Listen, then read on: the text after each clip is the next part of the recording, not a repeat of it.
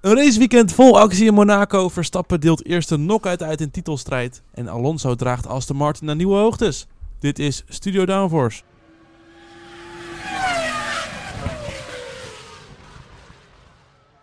Ja, hallo allemaal. Wat leuk dat je luistert naar een nieuwe aflevering van Studio Downforce. De dertiende aflevering van het tweede seizoen. Vandaag gaan we terugblikken op de Grand Prix van Monaco. En we gaan vooruitblikken, want er zit weer een raceweekend aan te komen. Namelijk die van Spanje in Barcelona. Dat ga ik niet alleen doen, dat doe ik samen met Elias. Buenos dias, Bram. Nee, het is nu nog in Monaco Monaco's. Oh, bonjour, Bram. en met Lies. Hola! Goed. Welkom bij deze internationale podcast. we gaan zo beginnen met een terugblik op de Grand Prix. Hou je vast, het wordt best een lange. Tenminste, dat is als het aan Elias en Lies ligt. Ik ga proberen het een beetje in toom te houden. Dat de Downforce discussies, hou je vast, dat wordt best een lange. Maar ik ga ook hier proberen om het in toom te houden. Dan hebben we het nieuwtje van de week en we sluiten hem af dus met een vooruitblik op de Grand Prix van Spanje. Maar voordat, voordat we dat gaan doen, Elias, heb jij nog een bericht aan onze luisteraars? Ja, jullie kunnen ons vinden op social media. Je kunt ons vinden op Facebook, LinkedIn, Twitter en Instagram op studio.downforce. En daarnaast kun je ons ook volgen op Spotify. Dan mis je nooit meer een nieuwe aflevering. Laten we beginnen.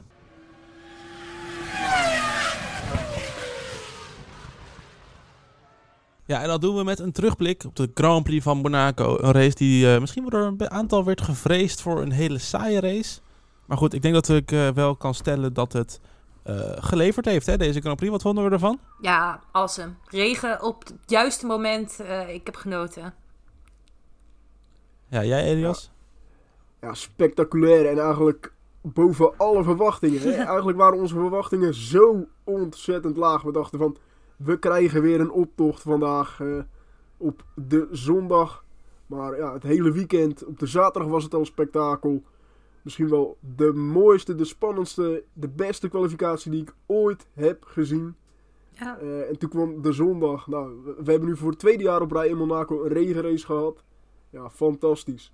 Ja, nee, daar uh, kan ik me alleen maar bij aansluiten. Goed, ik ga heel snel in uh, sneltreinvaart door de voorspellingen heen die we hebben gedaan dit weekend. Lies, jij uh, deed een regendansje voor de kwalificatie, maar dat was niet nodig, bleek later. Nee. Je had namelijk Verstappen en Alonso goed voorspeld, alleen Hulkenberg, dan moest ik even ver naar beneden scrollen helemaal, in, in de uitslag om te zien waar hij ja, stond. Ja, helemaal achteraan. Op P18. Ja, het was goed, niet best. E Elias, je had Alonso, Verstappen, Leclerc. Nou, toch nog even een puntje voor Leclerc op P3. Ja, over mijn voorspelling hoef ik niet te hebben. Ik, heb hem, uh, ik had Alonso trouwens op P2. Ik had Verstappen en Leclerc omgedraaid. Ja, en, uh, en dan voor de race hadden we, Lies en ik hadden goede hoop op Alonso. Ja. Ja, helaas. Beetje jammer. Maar met één voetje ja, stond hij op, het podium, op de eerste plek, hè? Ja, klopt. Ja, ja, ja. Nou, Elias had wel uh, Verstappen, Alonso goed voorspeld. En ik had uh, Ocon op de derde plek goed voorspeld. Ja, jongens, een beetje hoop hebben in die Fransen. Ja. Dan kom je een heel eind. Horen jullie dat? Ja. ja. Goed, ik werd gebeld. Excuus. Um, Uh, we gaan beginnen met de kwalificatie. Lies, jij wilde dat doen, hè? Ja, ja, ja. Want het was inderdaad toch wel een van de spannendste kwalificaties van het jaar. En daar was niet eens regen voor nodig. Want in Q1 uh, deed Perez eigenlijk hetzelfde trucje als vorig jaar... door hem uh, vrij snel in de muur te zetten. Alleen deed hij dat te vroeg, veel te vroeg. In Q1 al. Eerste ronde, eerste bocht. dus die auto was gelijk afgeschreven. En hij kon achteraan starten zondag. Um, de Vries door Q1 heen. Volgens mij voor de tweede keer uit zijn carrière, als ik het goed zeg. Tweede of derde keer uit zijn carrière. Uh, Hamilton. Tweede keer, dacht ik. Tweede keer. Nou, Hamilton vond ik nog best wel impressive. Omdat hij uh, gewoon zijn eerste rondes waren in Q1 en Q2 helemaal ruk. En dan moest hij het zonder, zonder cooldown laps moest hij het nog een keer proberen. En wist hij het toch steeds uh, wel weer voor elkaar te krijgen. Nou, dan hadden we Q2 hadden we Norris natuurlijk in de vangrail. maar die kon nog wel een soort van door. Um, want hij mocht door naar Q3. En uh, de monteurs hebben het dus wel gelukt om hem nog één ronde te laten rijden. En dat vond ik wel heel erg cool. Want ik geloof dat ze dat binnen 25 minuten of zo hebben ze die auto gefixt. Um, nou, toen hadden we Stroll die nog uh, de weegbrug miste. Maar die lag er toch uit, dus dat boeide niet zo heel erg veel. En uh, nou ja, Q3 was natuurlijk bizar. Want uh, op het laatste moment zien we eerst naar Ocon naar P1 schieten. En toen dachten we, wow, Ocon. En toen schoot Alonso naar P1. En toen dachten we, wow. En toen kwam uiteindelijk natuurlijk gewoon nog uh, Max. En we moeten het nog even hebben over uh, Leclerc en uh, Sainz. Want Leclerc op zich, die kwalificeerde voor zijn doen zowaar redelijk prima in Monaco op de derde positie. Alleen die zat in de tunnel nogal Lennon Norris in de weg. En die heeft daar drie plekken straf voor gekregen. Dus die startte uiteindelijk op de zesde positie.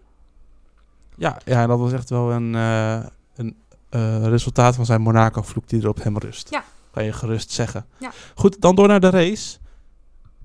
Ja, Elias, ben je klaar voor een beetje die race terug te blikken? heb je eventjes... ja, ja, ja, ja, ik ben er helemaal klaar voor. Vertel. Ja, uh, Ferrari die verpestte natuurlijk wederom de strategie in Monaco. Dat uh, zijn we wel gewend tegenwoordig van Ferrari. maar daarvoor gebeurde er natuurlijk ook al genoeg.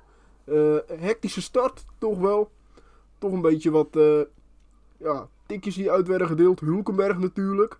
Die uh, vijf seconden straf ook kreeg door een uh, botsing met Sargent. Hij uh, probeerde net voor de hairpin in te halen. Verremde zich ook nog een beetje daar. En kreeg uiteindelijk wel, ja, op zich wel terecht een straf. Kijk, een, bot, een botsing zit natuurlijk in een klein hoekje hier in Monaco, omdat het zo smal is. Maar ja, Hulk daardoor al vijf seconden. Ja. Het was sowieso een slecht weekend voor Haas. Hè? Dat had ik natuurlijk vorige week al voorspeld. En dat kwam helemaal uit. Ja. Uh, de, de ratio met dingen die jij voorspelt en dan uitkomen. Je moet hier natuurlijk helemaal mee pronken dat je dit goed hebt voorspeld. Tuurlijk, tuurlijk, tuurlijk. Maar dat is niet de enige reden waarom Haas natuurlijk uh, ja, interessant was om te volgen dit weekend. Want er kwam natuurlijk een gerucht naar buiten dat Alfa Romeo en Haas een deal zouden hebben gesloten voor, uh, voor vanaf 2024. Dat Alfa Romeo de nieuwe titelsponsor zou worden van, van Haas. En dat is op zich best logisch. Want je hebt natuurlijk de Ferrari-link met Haas. En omdat ja, Alfa Romeo, wat nu nog Alfa Romeo is, uh, straks weer Sauber wordt en daarna Audi. Omdat die dus vertrekken als klant bij uh, Ferrari. Uh, is het op zich wel logisch dat ze de banden met Haas nog, ja, nog verder gaan versterken. Ja. en voor Haas is het natuurlijk ideaal. Want volgens mij gaan ze meer dan 20 of tot en met 20, 40 miljoen ongeveer in die regio. Zoiets gaan ze verdienen per jaar met die, met die deal. Met ja, en het zou mooi zijn als een soort vervanger is van dat MoneyGram. Want dan heb je nu gewoon echt even een goede... Dat is natuurlijk voor Haast dan voor het eerst. Dat er gewoon een goede autofabrikant en gewoon inderdaad betrouwbaar eraan. Ook niet zo'n vaag, uh, vaag bedrijf als MoneyGram of zo. En ik zie het ook nog wel gebeuren dat ze dan misschien voor een... Uh, toch voor een Ferrari uh, junior coureur gaan. Nou, dat is vorige keer heel goed gegaan. Misschien, misschien Schwarzman. Misschien, uh, ja, het is vorige keer heel goed gegaan met Mick Schumacher. Maar ze hebben, Schwarzman hebben ze natuurlijk nog als, uh, als reservecoureur, Ferrari. Ja. Uh, en ze hebben natuurlijk Ollie Behrman in de Formule 2 rijden. Dus ja, er is zeker wel, zeker wel keuze daarin voor Haas. Maar goed, er gebeurde dus verder genoeg, ook bij Haas. Sargent die uh, had dus in de eerste ronde een botsing met uh, Hulkenberg. Maar die werd daarna ook te kijk gezet. Uh, volgens mij was dat toen wel of niet in de regen. Voor mij was de eerste paar... Of nee, nee, aan het einde van de eerste stint op de mediums, volgens mij, gingen zij, vielen zij oh, ja, heel ja, terug. Klopt, klopt, klopt. Het was aan het einde van zijn stint. Ja, dat was echt... Die werd echt aan alle kanten werd voorbij gereden in Monaco. Kun je nagaan. Ik dacht ook van, we gaan geen inhaalacties krijgen. Gewoon geen inhaalacties in Monaco. hij was zo langzaam. Maar ja, hij was zo langzaam dat iedereen dacht van, nou weet je, nu moeten we wel inhalen. Nee, ja, dat is gewoon pijnlijk natuurlijk voor, niet, niet alleen voor Williams, maar ook voor hem natuurlijk. Dat je zo te kijk wordt gezet door je medecoureurs. Ja. Ja, ja, ja. En toen ging het regenen. En toen ging het regenen. Nee, we hebben nog daarvoor nog iets, jongens. Ah, iets, wat, iets, wat iets wat symbolisch staat voor deze hele titelstrijd die we hebben. Een gebrek aan eigenlijk. Oh, Perez. Ja. Nog voordat het regende was dit. Ja, Perez die... Uh, Twee keer per ronde werd gezet. Die, die had een uh, fantastisch weekend. Enorm. Natuurlijk de kwalificatie al compleet verpest in uh, Q1 met de crash in bocht 1. en hij kwam natuurlijk gewoon niet, niet door het middenveld heen eigenlijk. Nee, toch grappig dat hij dan zo minder door het middenveld heen kwam. Ten opzichte van Verstappen een paar jaar geleden. Het, het, is wel Monaco, hè? kom op. Nee, maar Verstappen heeft een paar jaar geleden toch gewoon tot P9 uiteindelijk dus teruggekomen. Ja, ja, klopt. Ja, maar goed, weet je, we zijn natuurlijk toch Verstappen en eh Perez met elkaar aan het vergelijken. Ja, precies. Maar dan zie je dus gewoon dat Ja, Verstappen ja. beter is. Ja, maar dat kunnen we dan toch concluderen nu. Dat was vooral mijn punt. Oh ja, nee, dan ben ik het goed, helemaal inderdaad, wat je zei. Eh, een gebrek aan een titelstrijd, dat komt ook een beetje door Ferrari. Want die verpesten dus, zoals ik al eerder zei, wederom de strategie in Monaco. Deze keer niet van Leclerc, maar deze keer van Carlos Sainz. Want eh, ze lieten Carlos Sainz echt elke keer, eh, wilden ze hem naar binnen roepen. Toen zeiden ze uiteindelijk, oké, stay out. En volgens mij stond één van de keren, toen ze hem toch buiten lieten rijden, stond één van die keren, stond er slechts één, één, één, één iemand van de pitcrew stond slechts Ja, klaar met de, met de maar dat band. was- Dus dat is ook wel knullig. Dat was volgens mij een beetje Alpine pesten daarvoor. Alleen het stomme is, Ja. Alpine, eh Ocon ging naar binnen. En zij bleven maar één ronde later, bleef, langer bleven zij naar buiten. Terwijl eh Sainz nog veel langer had door kunnen gaan. En dat was een onwijs domme keuze. Omdat het team dacht, ja, we moeten eh, Lewis Hamilton moeten we achter ons houden. Terwijl als ik Ferrari Ja. was geweest, had ik gezegd van... joh, nee, je gaat toch naar de derde plek van Ocon kijken. Dat is toch waar je mee bezig bent op dit moment. En daar was Sainz ook mee bezig. Dus eh, Ja. ja... Ugh. Precies. Nou, wat hebben we allemaal nog meer gehad? Eh, Tsunoda die weer aan het ragen was op de boordradio. Ja, dat was toch weer eh, de oude Yuki eh, die we toch weer eh, hoorden en zagen. Had een goede race, maar daarna kreeg hij last van remproblemen. Veel niet terug. Eh, Ja. dat was op het moment dat de regen al kwam. Want ja, dat was echt bizar. Ineens was er regen. Ja, en toen, Eh, dat ging wel heel snel. Echt binnen een paar rondes was het echt helemaal nat. Mhm. Ja, en voor Perez was dat natuurlijk ook. eh, dat, dat hielp niet. Je zou denken van misschien eh, komt dat toch eh, ja, naar hem toe. Maar ja, twee keer op een ronde gezet, inderdaad, door Verstappen. Ja, dat is toch wel eh, gedeclasseerd, kun je wel zeggen. Goed, de regen die zorgde voor een chaotische slotfase van de race. Want het was echt eh, nog een beetje afvragen van wat gaan we nu doen? Blijven we op de slikbanden rijden, de droogweerbanden? Of gaan we over naar de, naar de ja, intermediates of de wet, de full wet tires? Ja, dat, dat was toch een afweging. Eh, Alonso die ging naar binnen op mediums. Vanaf, eh, nee, die ging, die ging naar Van binnen naar mediums. Voor, voor mediums inderdaad, van de hards eh, naar de mediums. Eh, dat deed hij vanaf de tweede plek en daardoor kon Verstappen toen de pitstop maken naar Inter. ja, want het was al zeiknat, hè? Dat schreeuwde die Het was echt zeiknat. Toen Alonso naar binnen ging voor mediums, was het al best wel nat. Het was echt een hele domme call. Nou, het was, echt, het was echt het crossoverpunt hoor. Het crossoverpunt is dan vaak, ja, eh, of je van droog weer naar nat of ja, van slik of naar regenbanden gaat. Of andersom. Die crossoverpunten zijn altijd lastig in te schatten. En op dat moment was de baan nog wel redelijk droog hoor. Ja, het was vooral in die ene sector dat heel nat was, maar de rest Ja. van het circuit is dan droog. Dus dan... Maar dan wacht je Ja, toch nog dan is het die even. afweging. Dan wacht je toch nog even. Dan ga je toch niet naar binnen voor Ja, maar goed, op een gegeven moment moeten die banden ook... weer- Maar het was wel op het punt dat een aantal coureurs al op, op intermediate reden. Dat is wel Ja. toegegeven. Dus in principe had Aston Martin hier de slag kunnen slaan die ze niet hebben geslagen. Maar goed, dat is een eh, wat als en daar zijn we in de Formule 1 heel goed mee.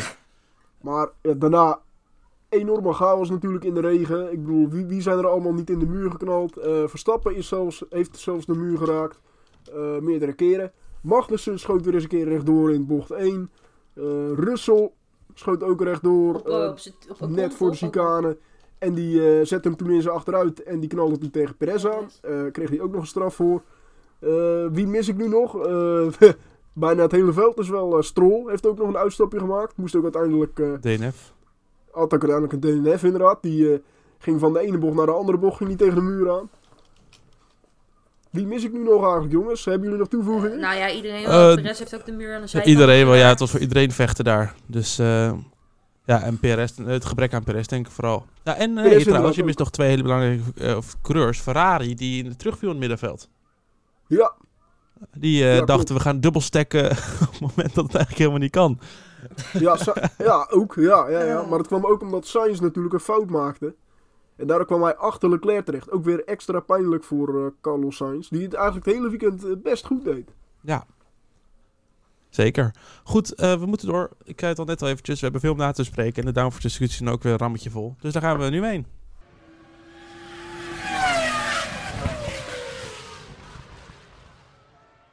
Ja, de downforce discussies. Wat, eh, wat zijn de dingen van het afgelopen raceweekend waar we het even over moeten hebben? De geruchten die er spelen. Nou, van alles komt er voorbij. Ja, en ook wel conclusies die we toch wel voorzichtig kunnen trekken na dit weekend. Als allereerste, ja, een strijd om de wereldtitel, die kunnen we echt wel vergeten naar Monaco. Eens. Nee, oneens. Ik ga zeggen oneens. Komt deze ook niet Ja, gewoon om de week bij ons terug? Een soort gelijke Ja, maar nee, nou, ik denk dat het na, na Barcelona, dan wordt het een strijd om de tweede plek. Wordt heel spannend, nu, denk ik. ja. Nee, ik ben het ook eens. Ik, eh, ja, oppermachtig. Ja, maar het is met zoveel overtuiging Ja. dat hij dit wint. Terwijl dit juist de race was waar iedereen zei... Oh ja, nee, hier kan Aston Martin toestaan. Of Mercedes kan hier echt gaan toeslaan. Over die Mercedes gesproken trouwens, dat komt nu te boven. Die nieuwe updates doen hun werk wel. dat je in Monaco Nou, al zoveel sneller ja. bent... waar je eigenlijk niet zo goed weet wat je met die auto aan moet. Mm, ik, Dat kan alleen maar beter, denk ik dan vanaf nu. ja, maar het was nog niet allemaal... eh, ze hadden hem nog niet goed onder controle, hoor. Nee, ja goed, maar ja, het is een, het is een auto met sidepods nu. Dat is al een hele Dat, vooruitgang. dat is al de grootste vooruitgang, ja. Het is, wel, het is wel een van de kortere circuits, hè? Ja, daarom. We moeten Ja, nee, maar tuurlijk. Maar het- ik, ik denk dat ze nu in een eh, Barcelona, dat ze nu kunnen gaan bouwen aan die auto. Want Barcelona is natuurlijk het testcentrum van de Formule 1 hemel. Waar ze, eh, waar ze de ogen dicht nog steeds eh, dezelfde rondetijden rijden. dus ik denk dat ze daar wel eh, goed met die auto kunnen gaan testen. Maar het, het zag er hoopvol uit in ieder geval in de strijd om de tweede plek, vond ik. Nou, kijk, ik, ik ben het ermee oneens. Want het seizoen is nog zo lang. En we moeten natuurlijk niet vergeten dat Red Bull ook nog de, bu- de budgetcap straf heeft. Hè? En de, eh, dus dat ze minder tijd hebben in de Daar windtunnel. hebben we echt wel heel veel van gemerkt tot nu toe. Daar hebben we al heel veel over eh, gehad. Maar dat moeten we niet vergeten. En het kan zomaar zijn dat Ferrari en Aston Martin en Mercedes toch een inhaalslag weten te maken. Of opeens ja, eh, het, een Eureka-moment hebben en het eh, toch voor elkaar hebben. Ja, ze ze weten nu wel de vloer eruit zien natuurlijk van Red Bull. Ja, dat weet ja, iedereen. Dat wel. We hebben alle vloeren zo wat gehad. We hebben de vloer van Ferrari gehad, de vloer van Mercedes en de vloer van Red Bull. Maar dat, dat is echt niet zomaar, nog, eh, zo, zomaar gestreden, denk ik. Dus ik denk dat Ferrari en Mercedes en Aston Martin, die kun je gewoon nog niet uitvlakken. Eén van die drie teams zal toch wel de stappen richting Red Bull gaan maken. En Ja, dan wordt het toch iets spannender. Nou, we, ik, ik denk niet dat Perez, dat we daar het van moeten gaan verwachten. Eh, Zo'n titelstrijd, maar Ja, maar dan is het, dan is het gat gewoon al twee raceoverwinningen bijna. Hè? Dan moet Verstappen dus twee races uitvallen. En dan moet Alonso die twee races winnen. Ja, daar, daar heb je gelijk in. Ik maar goed, we hebben Leclerc oh, oh, gezien, hè? dus ik, ik moet natuurlijk ook niet... over een heel eh, seizoen. Ja, we, hebben- we hebben seizoen gezien hoe Leclerc dat kan opfokken. Ja. Goed, de Dus volgende... Ik zeg, het, het is nog niet over. Nou, dankjewel, open deur. Goed, dankjewel Will Buxton. We gaan door. De Formule 1 moet een voorbeeld nemen aan de IndyCar op het gebied van snel en effectieve beslissingen nemen. Ja, ik ben het hier deels mee eens, deels mee oneens. Want eh, ja, ze, ze- de IndyCar, eh, die hadden natuurlijk afgelopen weekend de Indy 500 race. Toch een beetje eh, ja, een iconische race. Onderdeel van de Triple Crown met. Monaco. Indy, ja, Indy Volgens de 500 en. Le Mans. Eh, maar ja, die, die reageerden wel heel snel. Dus ze kwamen heel snel met cautions. Dat zijn eigenlijk gele vlaggen of virtual safety cars daar. Dat is toch gewoon een volle safety car? Ja, ja, ja. In ieder geval, dat hebben ze daar. Cautions en, en rode vlaggen. Dat deden ze wel heel snel. Maar het was ook niet heel, het, het was niet heel slim. Want ja, ze zeggen ook wel eens eh, dat die ongelukken ook weer ongelukken uit, uitlokken. Dus bij de herstart dat je dan weer ongelukken krijgt. Ja, dat was wel het geval bij de Indy 500 in de laatste, wat zal het zijn, tiende rondes. Ja, 12, 12, vanaf 12 rondes Ja, een beetje zoals in Melbourne toen. Ja, dus Dus aan de ene kant, ja, ze, ze reageren wel heel snel. Eh, en daar kan de Formule 1 zeker van leren. Als je af en toe ziet hoe lang het duurt met straffen. Of eh, na, na de race dat ze nog eh, onderzoek doen. Ja, ik ben het hier wel mee eens. Want als je ook gaat kijken naar dat stomme incident van, eh van is dat hij eh, even zijn eh, teamgenoot in de pit ramt. En die had binnen, binnen twee rondes in die 500, en dat zijn geen lange rondes, had hij een drive-through penalty. Ehm, nou, ik, ik, gewoon qua veiligheid heb ik het idee dat. En dat slaat misschien helemaal nergens op. Maar qua veiligheid heb ik een beetje het idee dat de regels van Indy 500 gewoon beter werken. Door gelijk, eh, bijvoorbeeld bij dat heftige incident waarbij dat wiel nog even het publiek in, eh, inging. Vond ik het heel prettig is dat het dan gelijk rood gevlagd wordt. En eh, kijk even naar Monaco, naar Formule 2, waar Victor Martins eh, bijna Marshall doodrijdt. Eh, dat kan daar allemaal gewoon. Dus ja, het, is natuurlijk ook appels met peren vergelijken. Want het zijn, het zijn totaal niet dezelfde soort sport. En ik weet ook niet of de reglementen van IndyCar toepasbaar zijn op de Formule 1. Maar ik heb wel het gevoel dat, dat, dat, dat in ieder geval afgelopen weekend de Indy 500 zat qua veiligheid veel beter in elkaar dan de Grand Prix van Monaco. Lies, mag ik je even rectificeren? Ja, Jij noemt Alex. Palou de teamgenoot van Rinus is dat geen teamgenoot? Nee. Nee, Oh, excuses. Ik dacht dat hij zijn teamgenoot VK was. rijdt voor, eh, het, En Carpenter. rijdt voor het team van eh, Ed Carpenter. Ja, en Palou voor Chip Ganassi. rijdt voor Chip Ganassi. Wie zijn zijn andere? Want ze rijden, ze rijden met z'n vieren, toch? Of met z'n drieën? wie Palou of... eh, Ed Carpenter dit weekend. Goed. Ah, oh, sorry, ga door. Ja, dit is echt, dit is echt zo niet boeiend voor deze podcast. Sorry, nou, ik vind dat dus wel boeiend. Ik vond, ik vond dat wel boeiend. Wat vind jij, Bram? Goed. Ik, Wil- eh, Willen jullie een podcast over de IndyCar? Laat het ons weten in de reacties. mag, mag ik, heb ik ook een stem in? nee. Nou ja, ik eh, op gebied van... Want natuurlijk bij de IndyCar is elke gele vlag gelijk een safety car. Ja, fantastisch. Ja, dus dat is wel duidelijkheid eh, op, dat, op dat vlak. En qua eh, rode vlaggen denk ik dat in de Formule 1 inderdaad daar soms wel wat laconiek over doen. Of in ieder geval met wanneer een rode vlag op de baan moet komen. Ja, en wanneer er nog marshals on track zijn bijvoorbeeld. Ja, in het voorbeeld van Monaco, waar het zicht al slecht is, hadden ze, en dat is dan de Formule 2, dan hadden ze echt wel dat moeten doen. Levensgevaarlijk. Ja, we gaan door. Deze Grand Prix, en daarmee hebben we het over de Grand Prix die de afgelopen zondag plaatsvond, maakt een eind aan de discussie of Monaco op de Formule 1 kalender hoort. Ja, eens. Oneens. Eens. Eens. Eens. Uh, die discussies elk jaar terugkomen, dat elk jaar die auto's weer een beetje groter worden. Eens. Nee, ik Vol- ben het volgend, jaar helemaal... hebben we, volgend jaar hebben we een saaie race, waarbij de kwalificatie nou, misschien nog wel een beetje spannend is, want dat is namelijk het spannendste op in, in Monaco. Dat we in zondag een optocht hebben van 78 rondjes, waarin er precies drie keer ingehaald gaat worden. En dan gaat iedereen weer zeggen, ja, nou, misschien moeten we maar gewoon een kwalificatie Grand Prix maken van Monaco of zo. Maar ik, ik, sorry, eh, jullie hebben allemaal gewoon geen gevoel voor authentieke races. Dus dit is, dit Ho, is gewoon. ho, ik ben het eens met de het stelling. is, ja, sorry Bram, alleen Bram. Het, het, het is, het hoort erbij. Weet je wel, Formule 1 zonder Ja. Monaco, dat, is, dat, dat zijn BH's zonder tieten. Het kan niet. ja, nee, maar snap je, wat, ik bedoel? je snapt toch wat ik bedoel? Het is gewoon Ja, nee, dat het op zich hoort erbij. En, en de ene, het ene jaar heb je mazzel, het andere jaar heb je, heb je geen mazzel. Dit jaar was Baku bijvoorbeeld heel erg saai. Nou, wie had dat gedacht? Weet je wel? Dan gaan we ook niet allemaal gelijk zeiken. Ik ben het wel met je eens, Lies. Dankjewel, Elias. Want, want inderdaad, wat jij zegt. misschien hebben we dit eens in de tien keer dat we een Grand Prix in de Mona eh, van, van Monaco hebben. Maar dan is het maar eens in de tien keer. Nou, Als we eens in de tien keer zo'n Grand Prix hebben in Monaco, zo'n race, ja, dan ben ik hartstikke blij. En het is ook als je ziet dat ze op het scherpst van de Ja. snede, op de volle limiet rijden in die kwalificatie. Dat is toch fantastisch Alleen al die om te zien. ja. Gewoon mens en machine Die onboard. Wat ik wel vind- zijn en echt op de limiet zitten van een foutje, van een wereldtijd, een wereldronde of, ja, of het helemaal vergooien. En dat is zo geweldig om te zien. Je zag die laatste sector van Verstappen ook in de kwalificatie.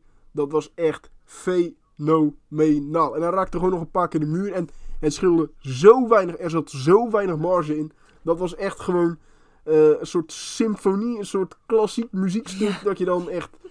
Dat is, dat, dat is gewoon te vergelijken met al die oude grootheden. En dat is gewoon zo Ja. Schitterend om te zien, vind ik. dat hebben we niet alleen in Monaco, hè? aan Senna, Schumacher, de grote namen van vroeger. Dat hebben we niet alleen in Monaco dit. Nee, maar je voelt het bij Monaco. Ja, maar ik bedoel, in Saudi-Arabië twee jaar geleden zaten we ook allemaal puntje van de stoel toen Verstappen Ja, maar dat voelt anders. Of Hamilton in Singapore maar 2018 Bram, met die ronde dat sneller was dan de gesimuleerde tijd. Voor die gasten is winnen in Monaco ook, ook anders dan winnen in Nee, ja, tuurlijk, dat in snap ik wel. Dat snap ik wel. Nee, maar het is vooral, ik denk dat die discussie nog wel zal blijven. Ja, Natuurlijk die- ik dat, kijk, dat, die op- discussie dat de zaterdag, want dat is prima. de stelling. Vind ik prima, die discussie mag blijven. Alleen ik ga het gewoon al, al- elke, elke keer ga ik gewoon weer zeggen dat ik het er niet mee Wat eens ik, ben. maar wat ik wel denk, wat ik wel denk, is dat de regie hier een heel groot verschil heeft gemaakt dit weekend. Oh, met die nieuwe beelden. Ja, Ja, met nieuwe camerahoeken, Ja, nieuwe dat heb je beelden. Ik denk dat we ook zien. beter een beeld hebben gehad. We hebben dit weekend ook in één keer gehad dat je kon zien hoeveel centimeters van de muur afzitten. Nou, dat zijn, dat zijn leuke toevoegingen. En ik, ik, ik, ik zat te kijken, dan, ik heb niet het hele weekend kunnen volgen, maar de beelden die ik zag, ik dacht van ja, maar wordt gewoon veel beter in beeld gebracht hoe dicht het bij de muur zit continu. Ja, nee, ik vond het ook wel Die een, eh, bocht, eh, de zwembad uit, ik heb er nog nooit zo gezien dat eh, in de hoek waar het zat, dat, eh, dat ze zo dicht langs de Ik wist niet dat überhaupt die tunnel zo lang was, joh. Daar kwam ik ook dit jaar pas achter door die beelden. Goed, de laatste stelling. Zonder Fernando Alonso was Aston Martin dit seizoen slechts een middenveldteam. Nou, Eens. laat ik hier maar beginnen. Oh, eens. Ja, eens. Ja, en, het is, en eh, deze stelling komt eigenlijk uit een soort van eh, vraag die ik op zag komen op, eh, in de media na zondag. Hoe lang gaat het duren voordat Stroll ontslagen wordt door Stroll? gaat het gebeuren? Nee. Want op een gegeven moment dit seizoen gaat het punt komen dat Lawrence Stroll in moet zien dat met Lance Stroll in zijn team ze niet een topteam gaan worden. Ja, maar eh, ze zijn er toch zo met z'n tweeën ingegaan. Ik denk, nee, nee. Ik zie hem nog eerder het team verkopen dan dat hij zijn eigen zoon eh, uit het team gooit, eerlijk gezegd. Maar eerlijk, als, als Jos Verstappen teambaas zou zijn en, Verstappen zou, en Max Verstappen zou precies zoals Stroll nu doet met Fernando Alonso naast hem. Ja, maar kijk, Nou, ik denk echt dat... ik denk dat Jos Verstappen en Max Verstappen een hele andere relatie met elkaar hebben dan Lawrence en Lance Stroll, om eerlijk te zijn. Ja, nee, dat sowieso. Maar ik denk zo, ik, ik, ik mag hopen dat er een punt komt dit jaar dat Lawrence Stroll zich realiseert. Dat iemand binnen de management van Aston Martin gaat zeggen. Nou, meneer Stroll, eh, als wij uw zoon eh, op de reservebank zetten voor Ja, dit jaar we toch- zetten dat daar toch Drugovic niemand neer. doen? Er gaat niemand durven dat Nee, te ja, zeggen. maar- Ik bedoel, kijk naar Alonso. Zelfs Alonso durft dat niet te zeggen. Die zit ook met zijn, eh, met, met zijn, met zijn vuisten tot aan de reet eh, bij eh, Lawrence te, te Maar, slijmen. maar we zijn het er toch mee eens dat, dat Stroll weg moet om Eens. Aston Martin beter te maken. en dan Lawrence maar Stroll, die doet het gewoon heel goed. Ik ben het ermee eens, maar het gaat gewoon niet gebeuren. Dat denk ik. Ik denk, dit, dit, is echt, dit is echt een pleziertje voor zijn zoon. En eh, als, het, als het op een gegeven moment niet meer werkt, dan zie ik hem nog eerder een team verkopen. En dan, eh, dan zet hij eh Lens ergens op een, op een boot of zo, weet ik veel. Aan de, andere kant, aan de andere kant kun je ook zeggen, inderdaad, zonder Fernando Alonso was Aston Martin dit seizoen slechts een middenveldteam. Maar waar, waar is dan met Vettel ook zo goed geweest nu? Had Vettel dat misschien wel podiums Dat kunnen is de halen? vraag. Je weet, je weet niet in hoeverre Alonso nu Ja, dat- zijn materiaal outperformt. Dat is echt een wat als waar ik een natte droom van krijg als het echt zo is. Als Vettel gewoon het podium op wat kunnen, nog het podium op te kunnen gaan dit seizoen. Ik denk dat hij er wel eens over droomt hoor. Goed, hij, hij was heel dichtbij hè, deze keer bij de overwinning. Eigenlijk. Ja, Als hij niet die extra stop had gemaakt, was hij echt dicht in de buurt gekomen bij eh, Verstappen. Ja, hij zou Aston Martin de steeds niet strategisten gewonnen. van Ferrari over hebben genomen? Dit weekend. Sorry, wat? Goed, dankjewel. Dit is plaats de grap. We gaan door. Echt. Lekker hoor. Ik verstond hem niet. Daarom kon ik niet reageren. Maar ik, ik hoopte Zou dus dat... Aston Martin de, mon- de strategisten van Ferrari hebben overgenomen voor Monaco? Ja, oké. die was wel echt Elias waardig. Ja, ja, inderdaad. goede grap. Ja, ja, misschien wel. Misschien Echt, wel. Elias, de eerstvolgende woordgrap die je maakt, knip ik eruit. We gaan door. Lies, het is jouw momentje Ja. voor het... Het nieuwtje van de week, week, week. Ja, en zo is dat. Namelijk eh, belangrijk nieuws deze week. Ja, we hebben een hele leuke race gehad, maar ook heel veel nieuws. En het belangrijkste nieuws van de afgelopen week, Lies, dat is... Ja, we hebben weer een stoelendans. En eh, dit keer eh, zijn er mensen bezig met belangrijk Red Bull personeel wegkapen. We weten inmiddels hoe dat allemaal werkt. Ehm, er is afgelopen week bekend geworden dat er twee Red Bull engineers een overstap gaan maken naar Ferrari. Eh, een van de twee engineers is eh, David George. Dat is een eh, Amerikaan die zich bezighoudt met aerodynamica. En hij heeft ook heel veel ervaring in de NASCAR en in de IndyCar. Ehm, en eh, daarna, een paar dagen later, kwam dus eh, naar buiten dat eh, dat is nu nog actueel, maar je weet maar nooit met deze podcast of dat nog steeds actueel is. Is dat Rob Marshall, dat is dus een hoofd, chief engineering officer van Red Bull, ook zijn taken binnen het team gaat neerleggen. En die stopt per direct. Dus dat betekent dat hij per eh, 1 januari 2024 eh, gelijk overstapt naar een ander team. En dat is McLaren. Dus McLaren doet wel goede zaken door een eh, Chief Engineering Officer van Red Bull eh, weg te halen bij, eh, bij het team.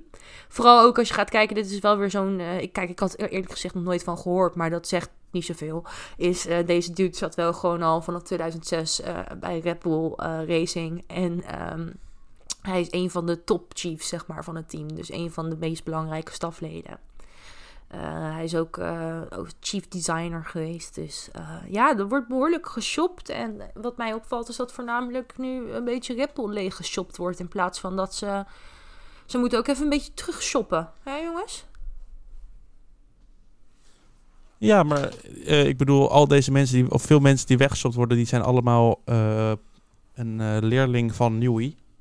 Ja. In ieder geval de, en de aerodynamica mensen. Hebben natuurlijk ook eh, Dan Fellows al gehad. Dus ik denk dat alleen maar dat Red Bull een soort van En- heel goed opleidingstraject Key momenteel heeft. Hm? James Key hebben we ook nog gehad. Die, Ja, zat, zeker. Ja, die zat dan Mm. bij Toro Rosso of Alfa Tauri. En die is daarna natuurlijk naar McLaren gegaan. Maar die, moet, die is daar nu weer vertrokken. Of die gaat daar nu weer weg. Ja, nee, klopt. Maar dus eh, ik denk dat, eh, dat Red Bull in principe niet direct mensen terug hoeft te halen. Dat ze ook gewoon heel, goed, heel veel goede mensen in eigen huis hebben. Hm. Ja. Maar goed, dat is wat ik denk. Ja. Was, was dat hem, eh ja, was hem. Nou, lekker snel. Dan gaan Goed, we door naar het slot van deze aflevering. De vooruitblik op de Grand Prix van Spanje.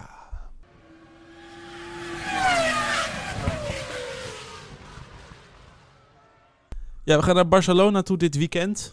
We gaan beginnen. Hoe was de race vorig jaar? Ja, Verstappen die won de race. Ondanks dat hij even spinde in de grindbak in bocht 4. Maar dat was allemaal dankzij het begin van het einde van Leclerc. Het begin van het Eh, einde van. Leclerc.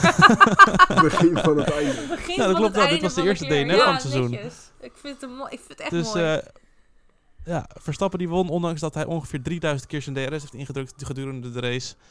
En eh, een comeback moest maken door onder andere die spin. En eh, ging daar onder andere het lijf te lijf met Russell en Perez. Perez was toch door teamorders uiteindelijk, terwijl ze dat niet nodig was. Correct me Volgens mij wel, ja. Ze zeiden van, eh Er ga niet vechten. verschillende strategieën. Ja. Ja. Goed, dan eigenlijk het belangrijkste voor het hele weekend, het aankomende weekend. We hebben circuitwijzigingen. Ja. De chicane verdwijnt in de laatste sector. Het is toch fijn om te zien dat de Formule, of in ieder geval het circuit in Barcelona de laatste paar jaar echt wel aan het werk is geweest aan het circuit. We hebben natuurlijk eerst die lastige herpin naar het rechte stuk al eh, zien verdwijnen naar voor wat meer vloeiende bocht.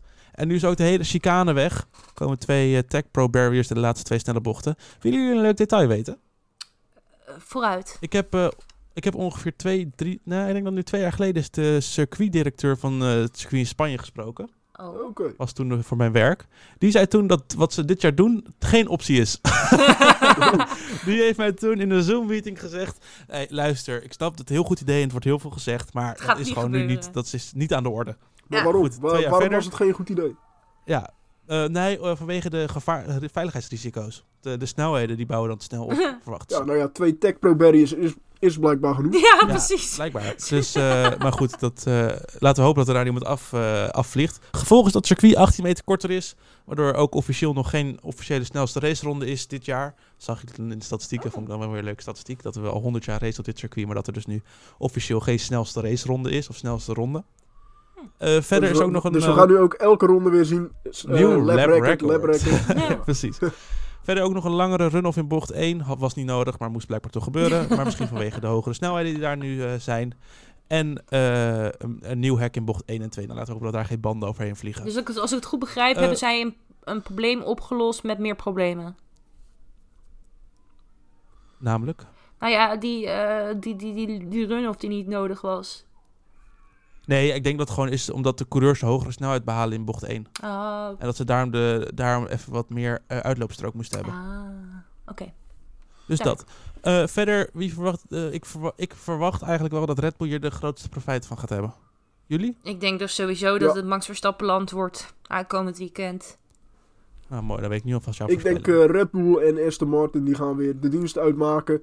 Ik denk dat Ferrari en Mercedes heel dicht bij elkaar zitten. Dus die gaan elkaar niet heel veel ontlopen. Ja, daarachter. Ja, Alpine heeft een goed weekend gehad. Eh, Ja, ik denk dus eh, dat ja. Mercedes het heel goed gaat doen. Ik hoop het voor ze. ik weet het nog niet hoor. We hebben die nieuwe updates. eh, vlak ze niet uit. Ja, Dat is, jawel, je hebt nieuwe updates, maar je hebt het wel over...